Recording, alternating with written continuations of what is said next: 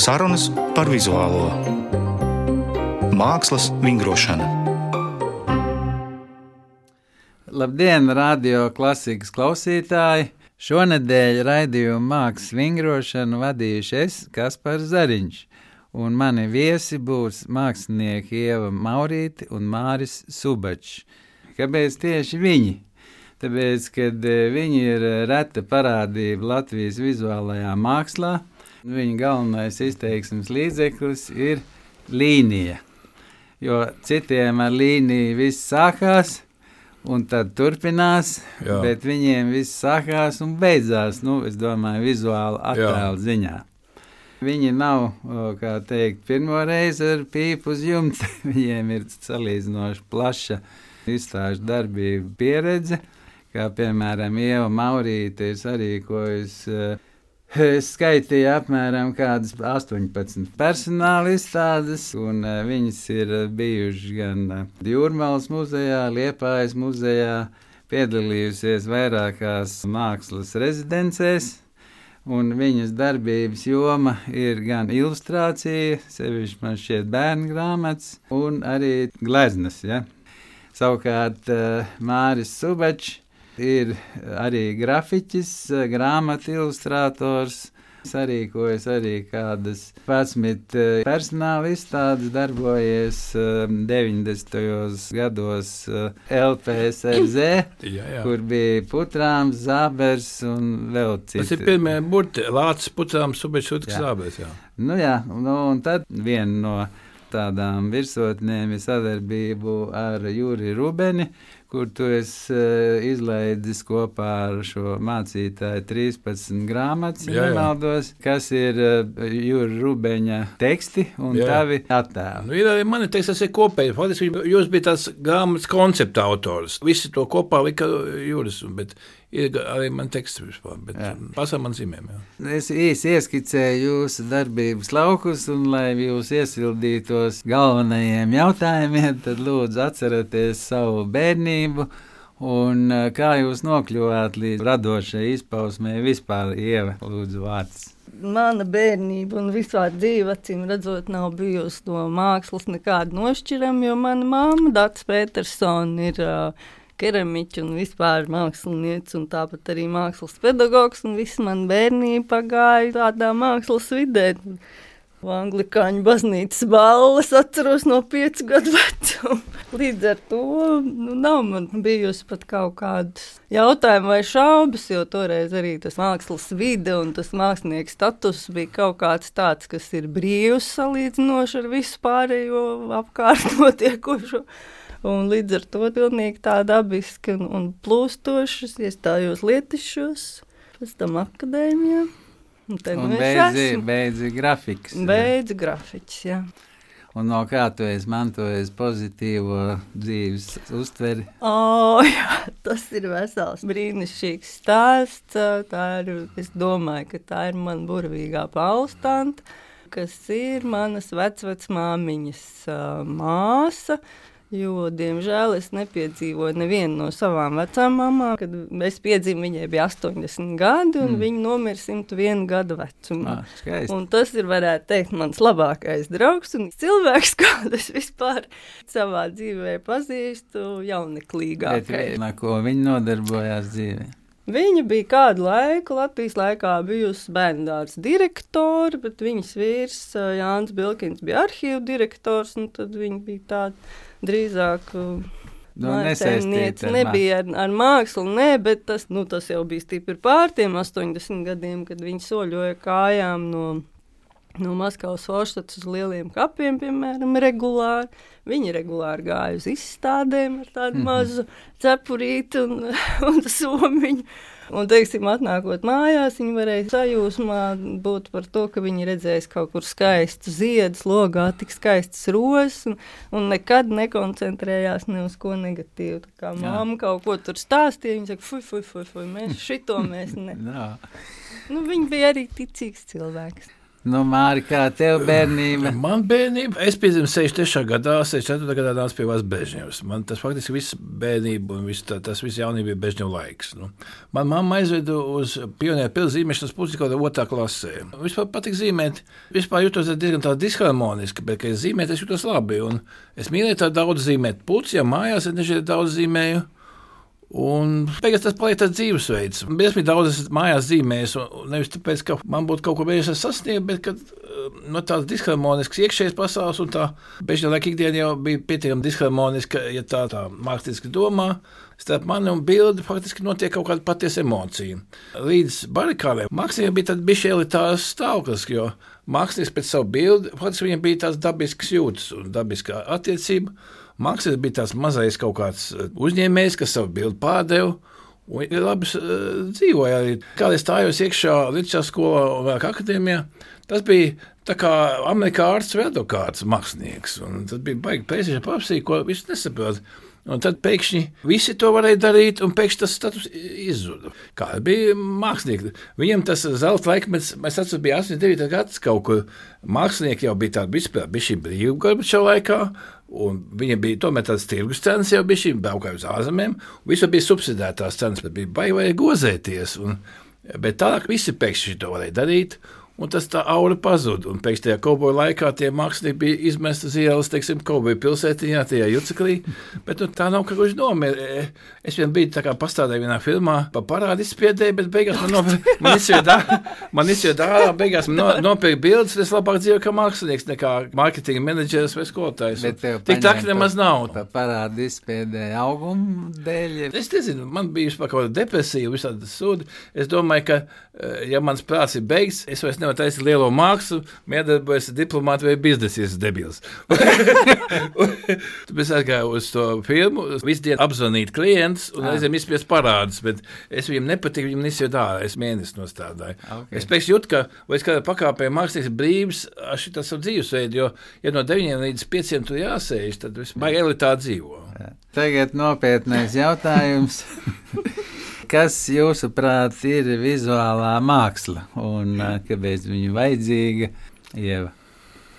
Nu, tas vispār ir diezgan sarežģīts. Jā, nu, tas skaidrs, jā. Viņš jau nav atbildējis. Viņš nav neatbildēts, bet Gētam bija ļoti skaists formulējums, kuram es varētu pilnīgi pievienoties, bet es noteikti nespēšu viņu atcerēties precīzi, bet tas ir spēt uh, neredzamo padarīt acīm redzamu.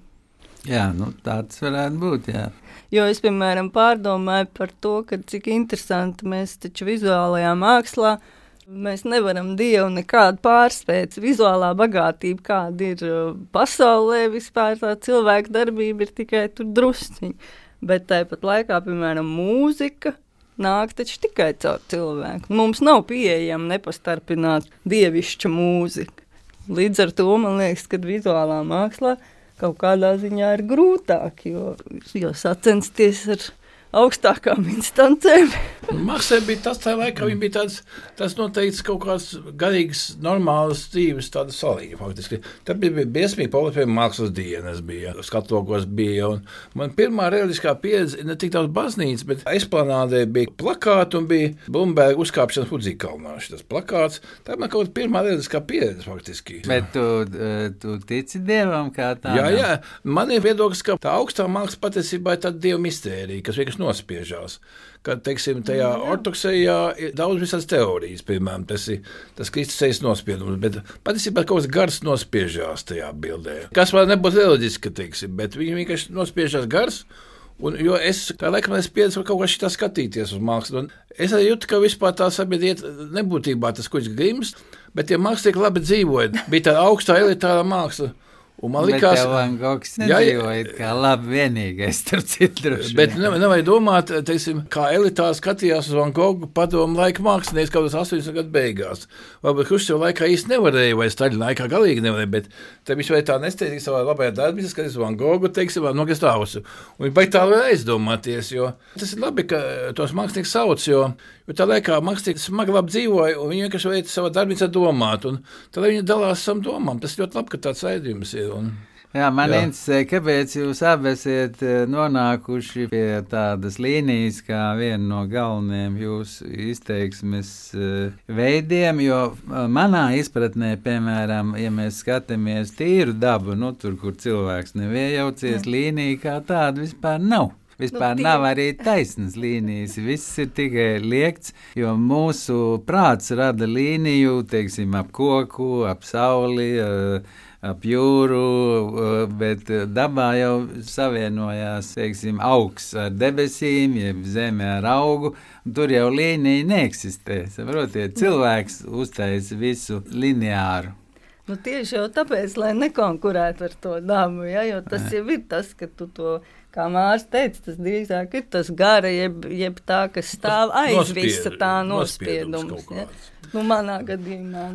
Jūs- Man tas kaut ko, mans tēvs, eh, teiksim, nebija mākslinieks, viņš bija Politehniskajā institūtā pasniedzies par materiālu pēctību, bet viņš mākslu mīlēja, mužgāja uz izstādēm, un viņam bija kalnos mājās, un mēs esam gājuši pie kalnos uz darbnīcu un piekuši bildes, un faktiski man karājās pie gultas kalnos. Tā nav, ka viņš man bezmīgi patika, bet viņš tā brīvi lai tā plek, plek, plek, it kā nekas, un Es teiksim, gleznoju tā nosacīti piemēram pilī ar līdz krāsām, un es mēģināju nu, tikai tā brīvi kopēt. Es, vai, vai, vai, faktiski tā kopēšana ļoti vērtīga. Jā, jā, nu tas ja ir mēģinu viens kopēt, no es mēģinu tā brīvi kopēt kalnos, nu tā pēc būtības.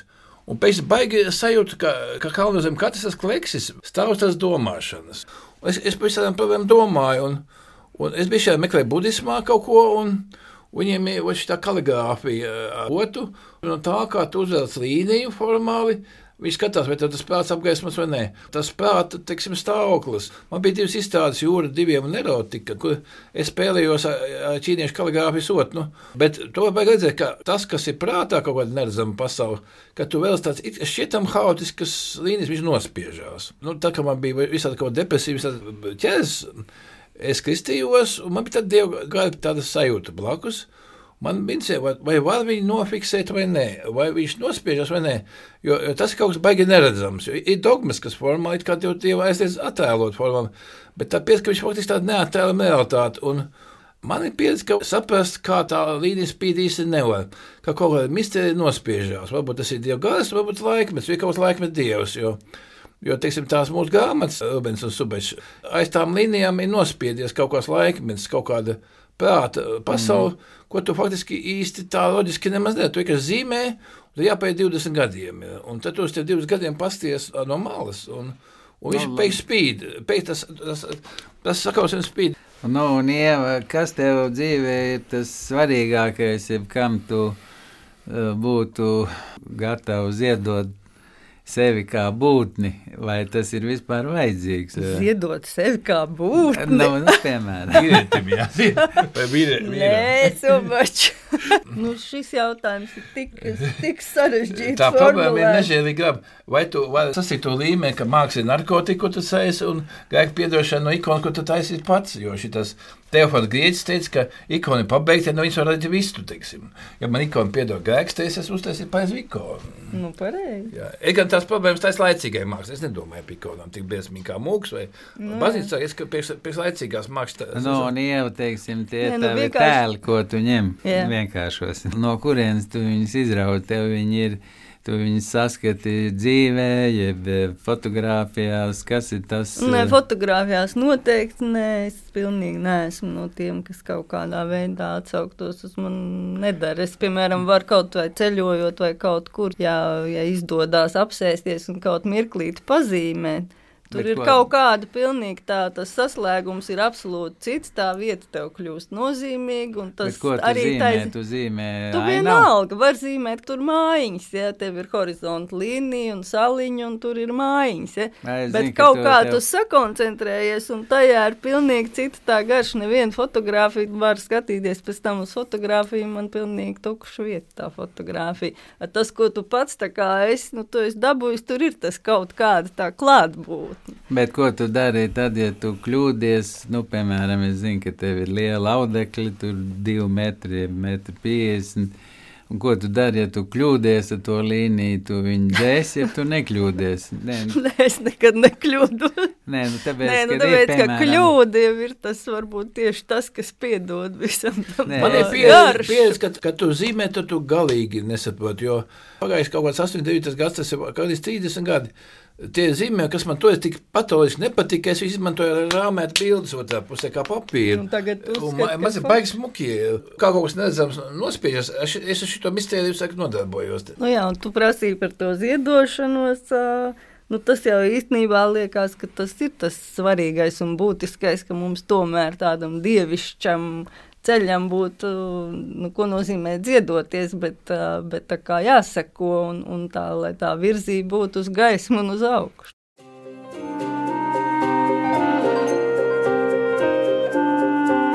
Mākslas vingrošana.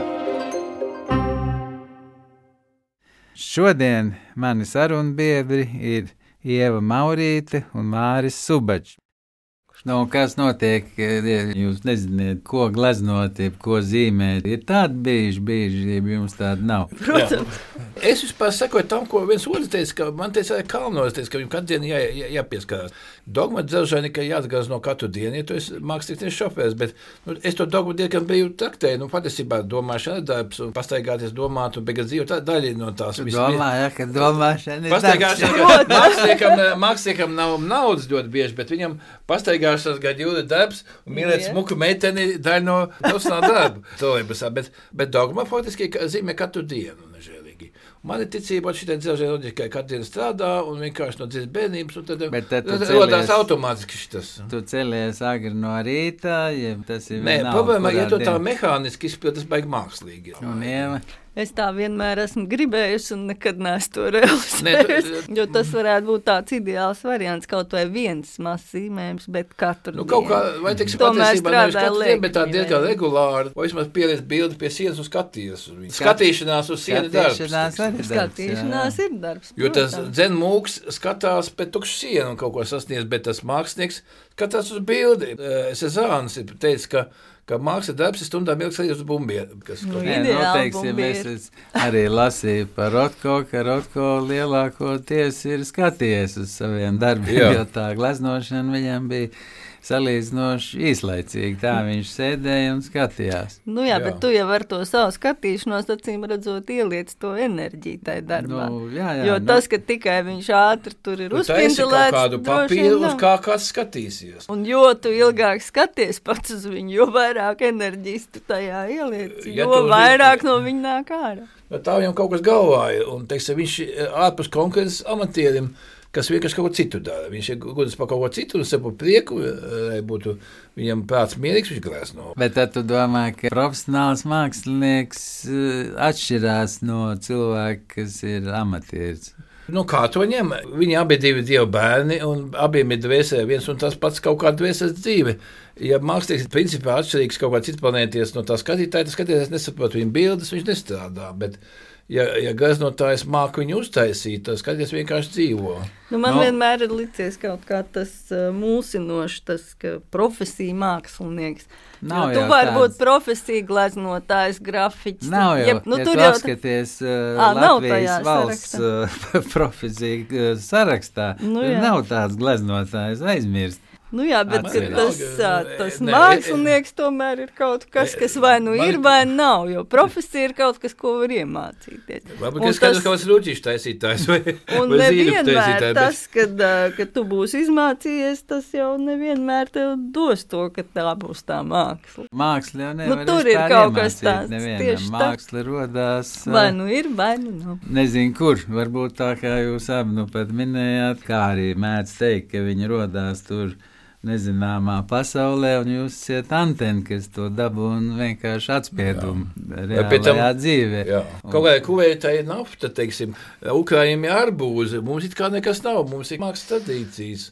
Mēs varam taisīt savu bildi. Bet mums vienkārši Patiesībā. ir lielisks tās. Jā, nu, ārkārt tagad redz, es priecājos, Kairišs, eh, nu pat un uh, Olte dabūja atzinību kinofestivālos par Jā. saviem darbiem, bet uh, redzi, muziķi, komponisti arī, piemēram, Pēters Vasks iegūst šo starptautisko atzinību, tur mūsu izpildītāji Nelsons, kā dirģents un opalais, operas dziedātājiem, viss, teiksim, vizuāliem māksliniekiem tik labi neveicās, nu, ar dažiem Jo- izņēmumiem, bet tie ir tikai tie izņēmumi. Ja?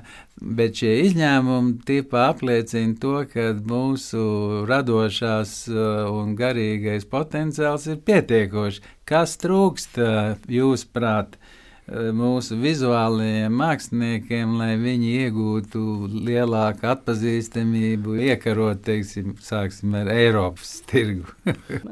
Es galvenokārt uzskatu, ka mums ir tik tieši, piemēram, glezniecības un vispār tādas nopietnas mākslas tradīcijas ir bijušas tik ļoti labas. Tā mūsu glezniecība ir tik ļoti laba, ka to nevajadzētu pazaudēt. Strunts par to Eiropu, viņi paši skries mums pakaļ, nav mums tajā grimstošajā kuģī pa visu varu, tad jāmēģina iekāpt.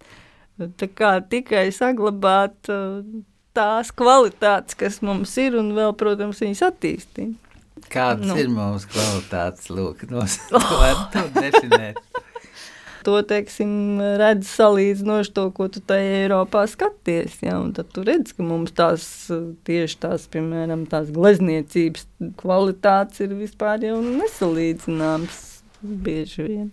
Okay, jā, nu, jā, es biju Venecijas Bienālē nu, nesen mm. un arī konstatēju, ka teiksim, runāt par ļoti augstas kvalitātes uh, mākslu var runāt varbūt 20% gadījumos tieši tā. salīdzinoši. Mm. Tā tas ir. Bet iespējams, ka uh, vecos laikos, ja agrākajos laikos, arī bija līdzīgi. Vienkārši tas, kas uh, nonācis līdz mums, tā ir laika atlase. Jā, bet tas īstenībā jau arī mēs nekad nezinām, kas aizgāja bojā. Varbūt vēl kaut kas, jo atkal par to mūziku, tā kā par nopietniem mūziķiem, nu tad es diezgan daudz apmeklēju arī ārzemēs dažādas nopietnas uh, koncerts, un tur tomēr sirmas galvas pārsvarā. Jā. Un dažkārt ķīnieši, kur telefonā pavada visu to koncertu. Un tad ir tādi Nu, jautājumi. katram laikmetam ir savs iezīmes. Nu. Esiet laimīgi šajā laikmetā.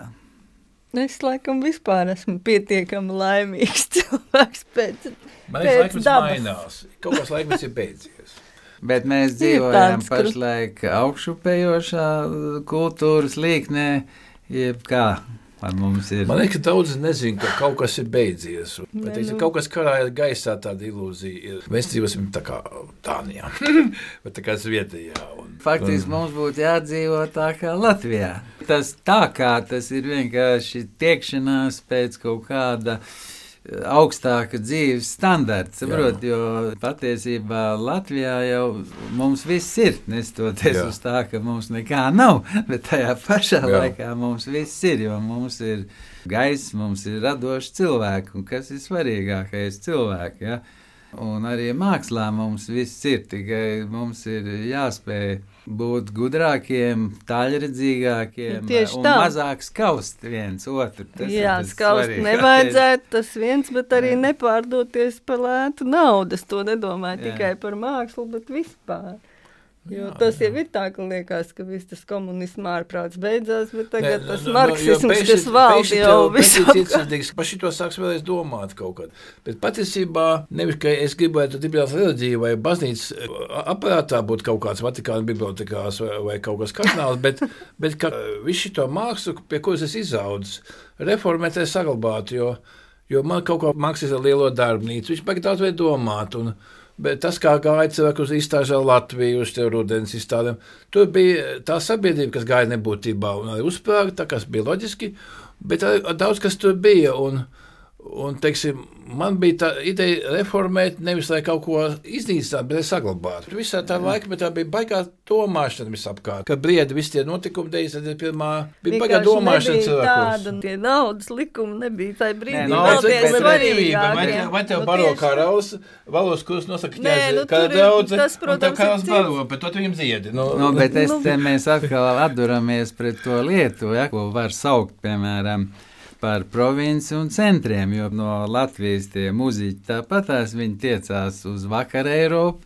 uz rietumiem, tāpēc, ka uh, tur ir daudz lielāks mākslas patēriņš, sevišķi muzikā. Jā, Tur bet ir viņi daudz, tiecās, vai mums ir Jā, nodokļi ā, nāk, vai un, un, jā, es tikai saku, ka arī mēs esam dzirdējuši arī no muzeķiem citreiz tādu, ka lūk, attieksme pret vispār māksliniekiem no patērētāja viedokļa tāda, nu, tu esi mākslinieks, ā, nu, tad uzspēlē man Pats, kaut ko, jeb uzzīmē kaut ko, ja.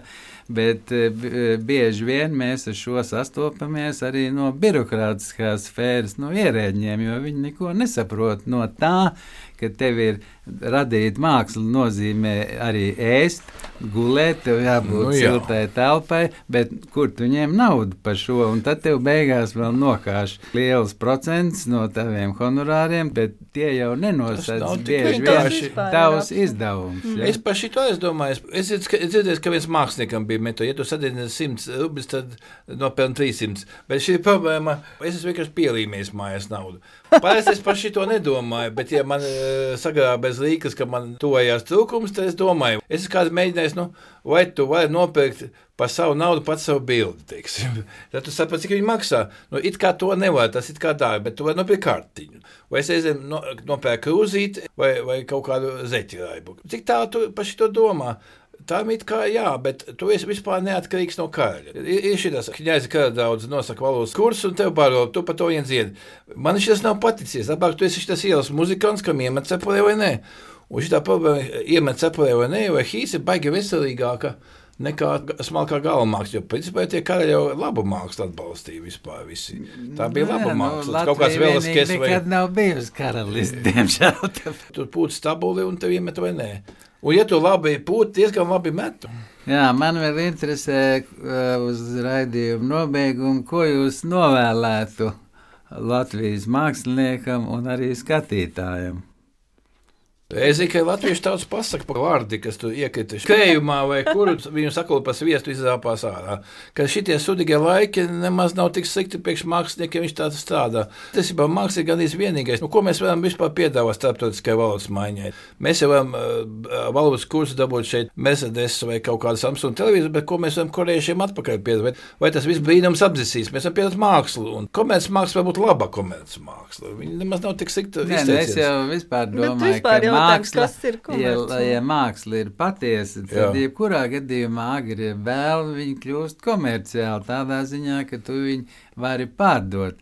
Man liekas, tas jēdziens Latvijā komerciāls vispār pret mākslu ir nepareizs. Es Tāpēc, tā kad, eh, uzskatu. kad es uzskatu, ja tev ir profesija mākslinieks, tev no tā ir jādzīvot. Tā Jā. tad tev ir jāpārdod Jautājums, vai tu kaut ko sliktu pēc pats, piemēram? Jautājums ir, kāda ir tava attieksme pret ko tu dari? Vai tas, ko tu dari, ir patiesi, mazāk patiesi, Jā. ja tikai tu izpatīts uh, pircējam ar domu, ka tik pārdot. Ja? Tās ir tās gradācijas, kas veido. To nosaka tas mākslinieka talants, vai ne? Jā. Eh, Cik tālu viņš spēja iedziļināties pasaules Jā. notikumos, kā viņš viņus iekļauj, kā viņš iekļauj cilvēku. Jo, piemēram, tu vari uzrakstīt mīlestības dzējoli, ja tu vari uzgleznot eh, romantisku gleznu, bet tik un tā viņa atspoguļos kaut kāda laikmeta garu. Jā, ja? protams. ja tu izmanto tikai trafaretus, ja tikai kaut kādas klišejas, tad, tu, protams, kam mēs nostamies filmu un sakam, lūk,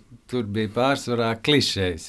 Bet tur droši vien spēlēja arī iespējams kāds Jā. labs aktieris. Jā, Ja? es tikko noskatījos vakardien saucās spā, kur ir Velbeks uh, ar Depardžie. Tā Viņi satiekās tā tādā spā viesnīcā. Un tur ir uh, instalācija no koferiem. Un tad viņi apspriežās, nu kāpēc, priekš kam tur tiek kaut jā, bet ka tagad tā ir un tā vajag. Nu, un kas tad ir galvējās komerciāli? mākslas problēmas ir ļoti interesants, un vispār mēs runājam, lūk, kas ir māksla. vai Nu ne? jā, tā kā par Jo to komerciālismu. Nu, Kā tu arī Māri pieskāries, ka jebkurš un jebkas var būt māksla, bet vai Jā. tā ir? Ja? Jā, un skatītājiem varētu novēlēt būt vērīgiem un iedziļināties, nebūt Jā. paviršiem. Uz šo noti arī beigsim. Paldies jums abiem par piekrišanu nākt uz raidījumu. Tātad ā, šodien viesi bija Ieva Maurīte un Māris Subačs, līnijas speciālisti. Paldies, Paldies. jums! Veiksmi tālāk!